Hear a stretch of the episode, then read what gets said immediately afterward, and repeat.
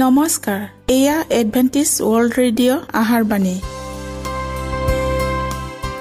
ঊনৈছ মিটাৰ বেণ্ডত পোন্ধৰ হাজাৰ পাঁচশ পঞ্চাছ কিলো হাজত।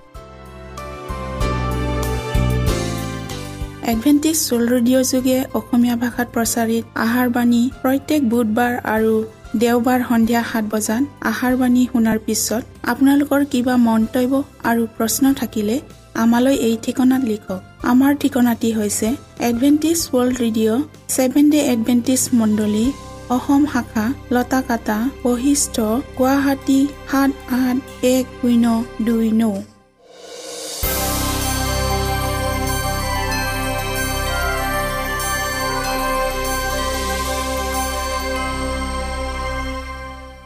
প্ৰিয় শ্ৰোতা বন্ধুসকল এতিয়া শুনো আহক এটি খ্ৰীষ্টীয় ধৰ্মীয় গীত।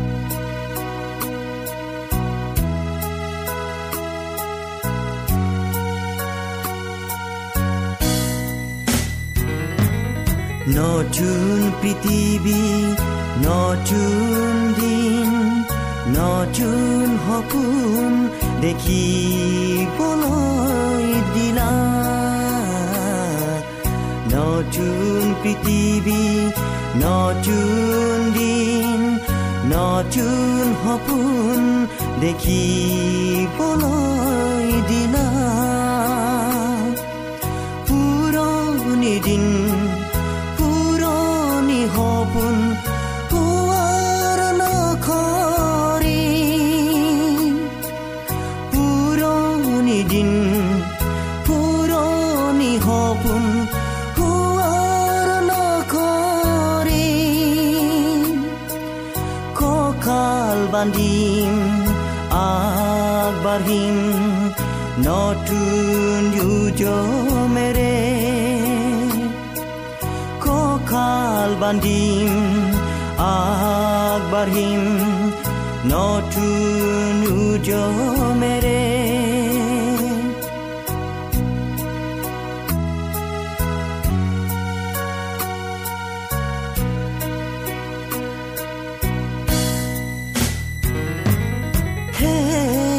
প্ৰভু শক্তি দিয়া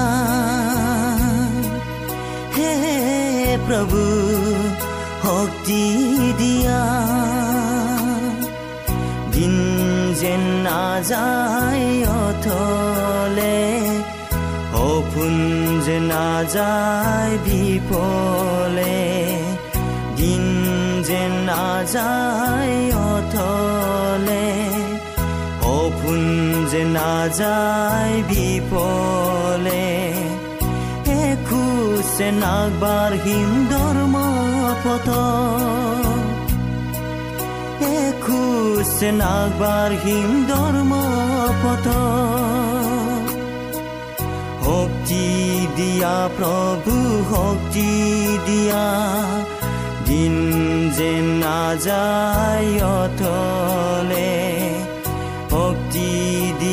প্ৰভু শক্তি দিয়া দিন যে নাযায় অথলে নতুন পৃথিৱী নতুন দিন নতুন সপোন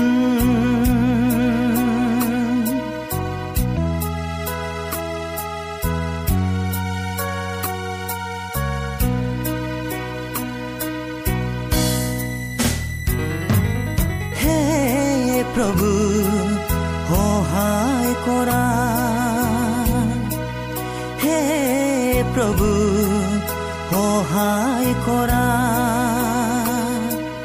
দিন যেন নাযায় অথলে আহা যে নাযায় বিপলে।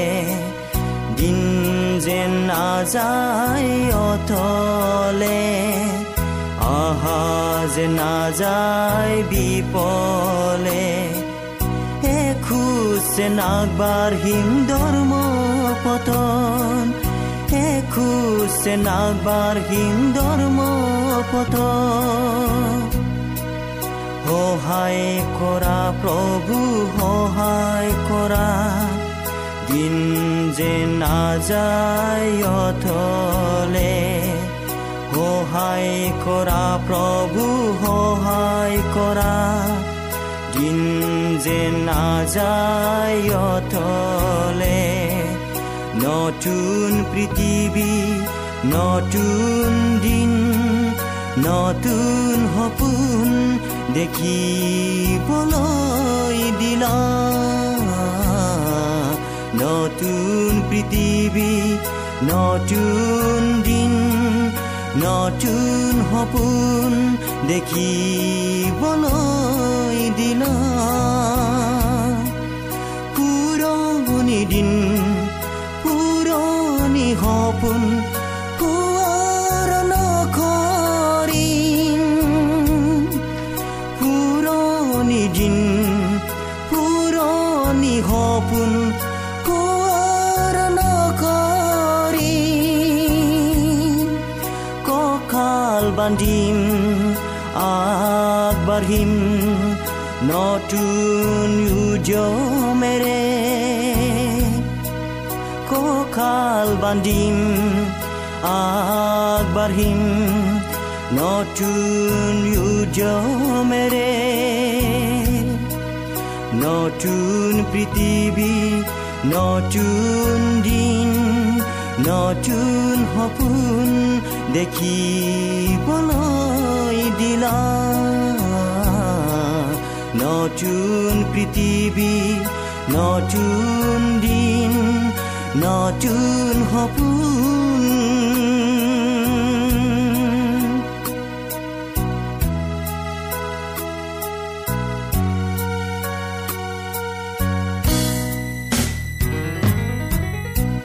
প্ৰিয় শ্ৰোতা বন্ধুসকল আহক আমি খন্তেক সময় বাইবেল অধ্যয়ন কৰোঁ হওক প্ৰিয় শ্ৰোতাসকল আজি আমি যোৱা অনুষ্ঠানৰ অধাৰ্মিকতাৰ উৎস ইয়াৰ শেষ অংশটো অধ্যয়ন কৰোঁ হওক অধ্যয়ন কৰাৰ আগতে আমি প্ৰাৰ্থনা কৰোঁ হওক।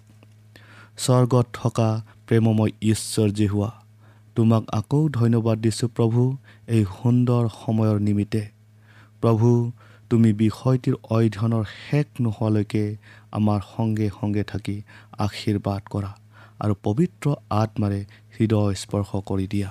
যীশুৰ নামত খুজিলোঁ আমেন। ছয়তানৰহে শ্ৰুতলিপি আছিল যাৰ বাবে জগতে কৃষ্টক প্ৰত্যাখ্যান কৰিছিল। অন্ধকাৰৰ অধিপতিজনে যীচুক ধ্বংস কৰিবলৈ তাৰ সকলো শক্তি আৰু ধূৰ্ততাক প্ৰয়োগ কৰিছিল। কাৰণ সি দেখিছিল যে ত্ৰাণকৰ্তাজনাৰ দয়া আৰু প্ৰেম তেওঁৰ স্নেহ আৰু কৰোণা নম্ৰ ব্যৱহাৰ আদিয়ে পৃথিৱী বা পৃথিৱী পৃথিৱী পৃথিৱী পৃথিৱীবাসীৰ আগত ঈশ্বৰৰ চৰিত্ৰক প্ৰকাশ কৰিছে। ছয়তানে ঈশ্বৰৰ পুত্ৰজনৰ প্ৰত্যেকতো অধিকাৰক কাঢ়ি ল'বলৈ চেষ্টা কৰিছিল। এইকাৰণে সি ত্ৰাণকৰ্তাজনাৰ জীৱনটোক দুখ কষ্টেৰে পৰিপূৰ্ণ কৰি শোচনীয় কৰি তুলিবলৈ সি মানুহক তাৰ প্ৰতিনিধি হিচাপে ব্যৱহাৰ কৰিছিল। চতুৰ কূটনীতি আৰু মিথ্যাবাদ যাৰ দ্বাৰাই সি যীশুৰ কাৰ্যত বাধা প্ৰদান কৰিব বিচাৰিছিল। যি ঘৃণা হিংসা অবাধ্যতাৰ সন্তানবিলাকৰ জৰিয়তে প্ৰকাশ পাইছিল। তেওঁৰ বিৰুদ্ধে থকা হিংসুক অভিযোগবোৰ যিজন অথচ ঈশ্বৰৰ ভক্তি পৰায়ণ জ্বলন্ত নিদৰ্শন আছিল। এই সকলোবোৰ তাৰ প্ৰতিশোধ পৰায়ণৰ মনটোৰ গভীৰ কোণৰ পৰা ওলাই আহিছিল। ঈশ্বৰৰ পুত্ৰৰ প্ৰতি থকা হিংসা আৰু ঈৰ্জা ঘৃণা আৰু প্ৰতিশোধৰ উমি উমি জ্বলি থকা জুইকুৰা সেই কালবাৰীৰ ক্ৰোচত বিস্ফোৰিত হৈ জ্বলি উঠিছিল যাৰ দৃশ্যটোক সকলো স্বৰ্গবাসীয়ে নীৰৱ নিস্তব্ধ ভয়ত চাই আছিল।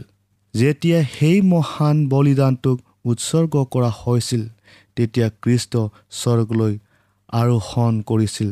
কিন্তু তেওঁ তেওঁৰ নিবেদনটোক পিতৃৰ ওচৰত নজনোৱালৈকে তেওঁ স্বৰ্গদূতবিলাকৰ মান প্ৰশংসাবোৰক গ্ৰহণ কৰিবলৈ মান্তি হোৱা নাছিল। তেওঁৰ নিবেদনটো এনেকুৱা আছিল মই থকা ঠাইত মোৰ লগত তেওঁবিলাক যেন থাকে এই মোৰ বাঞ্ছা। যোখন সোতৰ অধ্যায়ৰ চৌব্বিছ পদত। তেওঁৰ আবেদনৰ উত্তৰস্বৰূপে তেতিয়া ভাষাৰে প্ৰকাশ কৰিব নোৱাৰা প্ৰেম আৰু শক্তিৰে পিতৃৰ সিংহাসনৰ পৰা এই বাণী আহিছিল।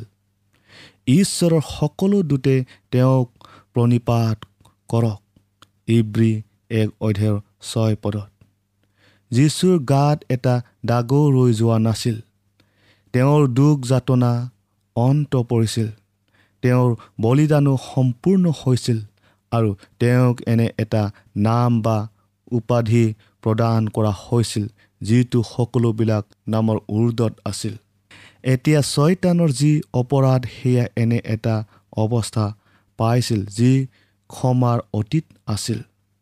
তাৰ প্ৰকৃত চৰিত্ৰটো সি যে এজন মিছলীয়া আৰু নৰবধি তাক সি প্ৰকাশ কৰিছিল। এইটো দেখা গৈছিল যে সেই একেটা আত্মাই যাৰ দ্বাৰাই সি তাৰ শক্তিৰ অধীনত থকা মানুহৰ সন্তানবিলাকক শাসন কৰিছিল। সি যদি স্বৰ্গৰ বাসিন্দাসকলক তাৰ নিয়ন্ত্ৰণৰ অধীনত আনিবলৈ অনুমতি পালেহেঁতেন তেন্তে সেই একে আত্মাৰ দ্বাৰাই সি তেওঁবিলাকৰ মাজত একেই কাৰ্যকে কৰিলেহেঁতেন। সি দাবী কৰিছিল যে ঈশ্বৰৰ বিধান উলংঘন কৰিহে হেনো স্বাধীনতা আৰু পদ মৰ্যাদা আনিব পাৰি। কিন্তু এইটো দেখা গৈছিল যে তাৰ কাৰ্যৰ পৰিণাম স্বৰূপে পৰাধীনতা আৰু অঘোগতিহে আহিছিল। ঐশ্বৰিক চৰিত্ৰ আৰু আসন প্ৰণালীৰ বিৰুদ্ধে ছয়তানৰ যি মিছা অভিযোগ আছিল সেই অভিযোগ সিহঁতৰ প্ৰকৃত পোহৰতে ওলাই পৰিছিল। সি ঈশ্বৰৰ ওপৰত এই বুলি অভিযোগ আনিছিল যে তেওঁ হেনো নিজে সৃষ্টি কৰা প্ৰাণীসকলৰ পৰা বাধ্যতা আৰু সমৰ্পণ বিচাৰি নিজকেহে প্ৰশংসিত আৰু মৰ্যাদাপূৰ্ণ কৰিব বিচাৰিছে। আৰু এই বুলি ঘোষণা কৰিছিল যে সৃষ্টিকৰ্তাজনাই আনক হে আত্মা বলিদানী আত্মত্যাগী হ'বলৈ কয়। কিন্তু নিজে হ'লে আত্মত্যাগো নকৰে আৰু কোনো বলিদানো নিদিয়ে। কিন্তু এতিয়া দেখা গ'ল যে পাপত পতীত আৰু পাপিষ্ট মানৱ জাতিটোক পৰিত্ৰাণ দিবলৈ বিশ্ব ব্ৰহ্মাণ্ডৰ শাসনকৰ্তাজনাই এক অতি মহান বলিদান অৰ্পণ কৰা হৈছিল যিটো কেৱল প্ৰেমৰ বাবেই সম্ভৱ হৈছিল। কিয়নো ঈশ্বৰে কৃষ্টত থাকি পৃথিৱীখনক নিজৰে সৈতে মিলন কৰি আছিল। দ্বিতীয় কৰিন্থিয়া পাঁচ অধ্যায়ৰ ঊনৈছ পদত।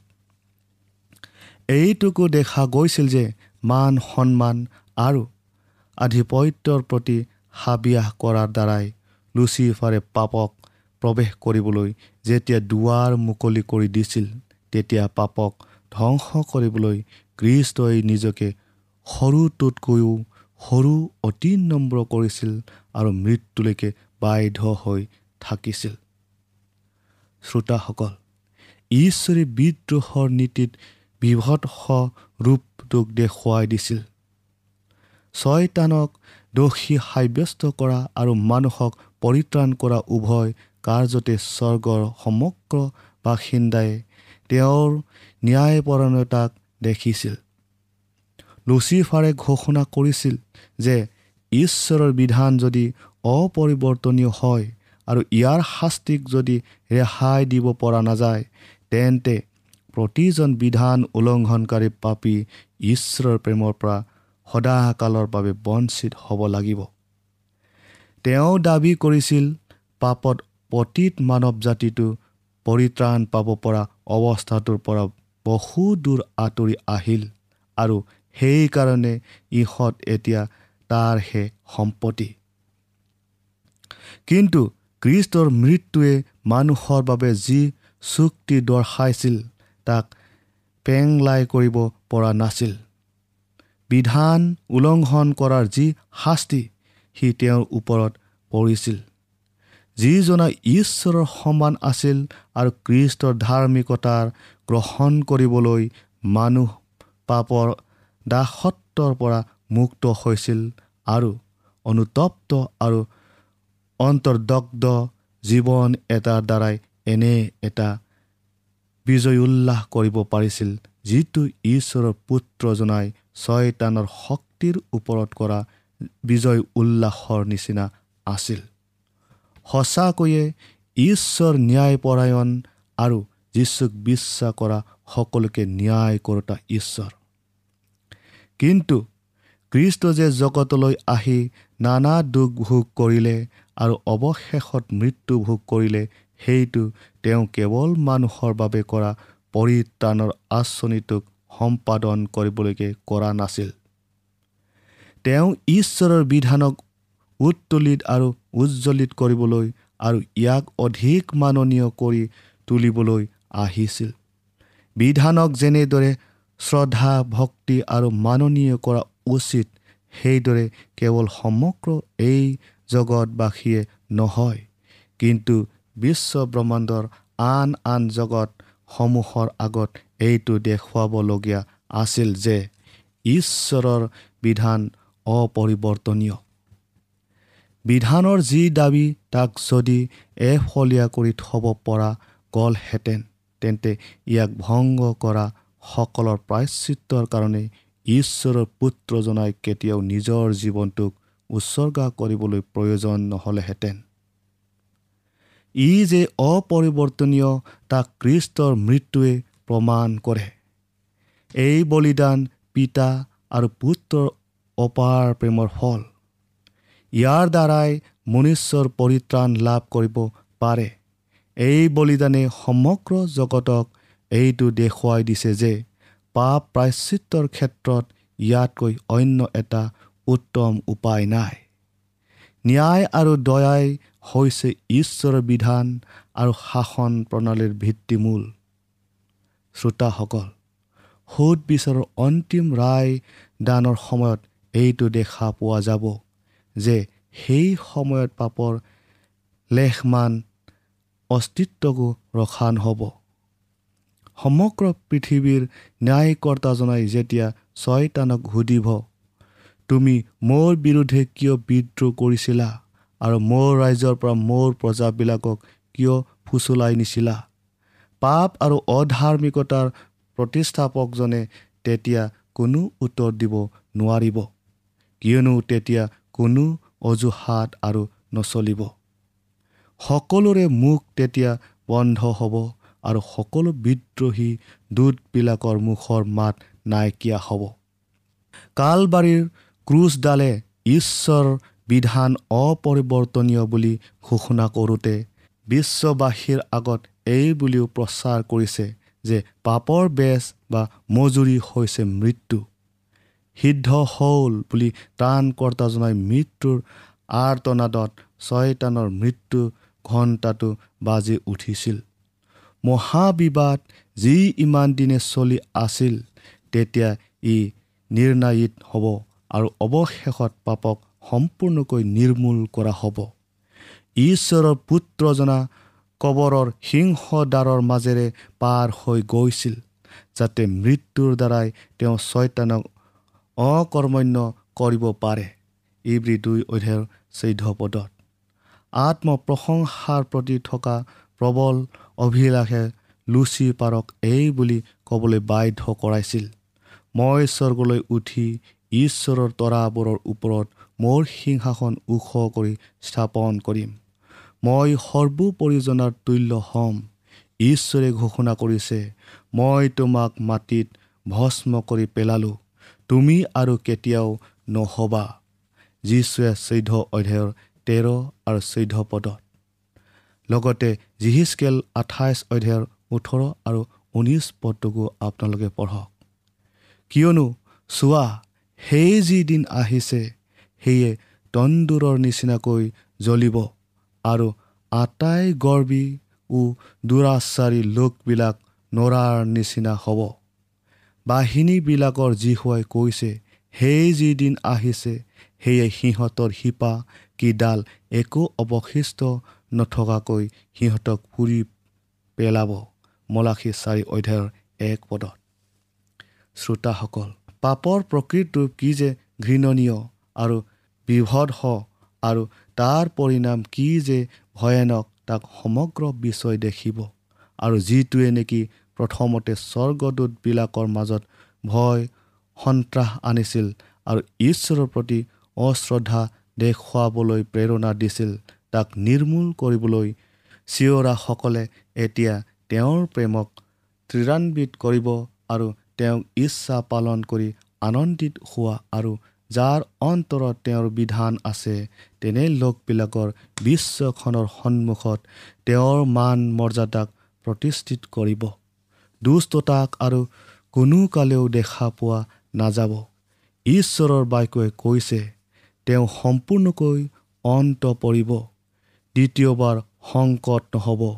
নহুম এক অধ্যায়ৰ নৌপদত শ্ৰোতাসকল ঈশ্বৰৰ যি বিধানক ছয়তানে দাসত্বৰ যুৱলী বুলি দোষাৰোপ আৰু দুৰ্নাম কৰিছিল সেই বিধানক স্বাধীনতাৰ বিধান বুলি শ্ৰদ্ধা ভক্তি কৰা হ'ব। পৰীক্ষা সিদ্ধ আৰু প্ৰমাণিক এখন সৃষ্টি আৰু কেতিয়াও সেইজনাৰ আনুগত্যতাৰ পৰা দ্বিতীয়বাৰ আঁতৰি নাহিব যিজনাৰ চৰিত্ৰটো অটল প্ৰেম আৰু অপাৰ জ্ঞানেৰে ভৰা বুলি তেওঁবিলাকৰ সন্মুখত সম্পূৰ্ণকৈ দেখুওৱা হ'ব। প্ৰিয় শ্ৰোতাসকল আজি আমি এই বিষয়টিৰ বিষয়ে ইয়াতে সামৰিলোঁ। আশা কৰোঁ আপোনালোকে এই বিষয়টিৰ বিষয়ে সম্পূৰ্ণকৈ বুজি পাইছে বুলি। ঈশ্বৰে আপোনালোকক আশীৰ্বাদ কৰক।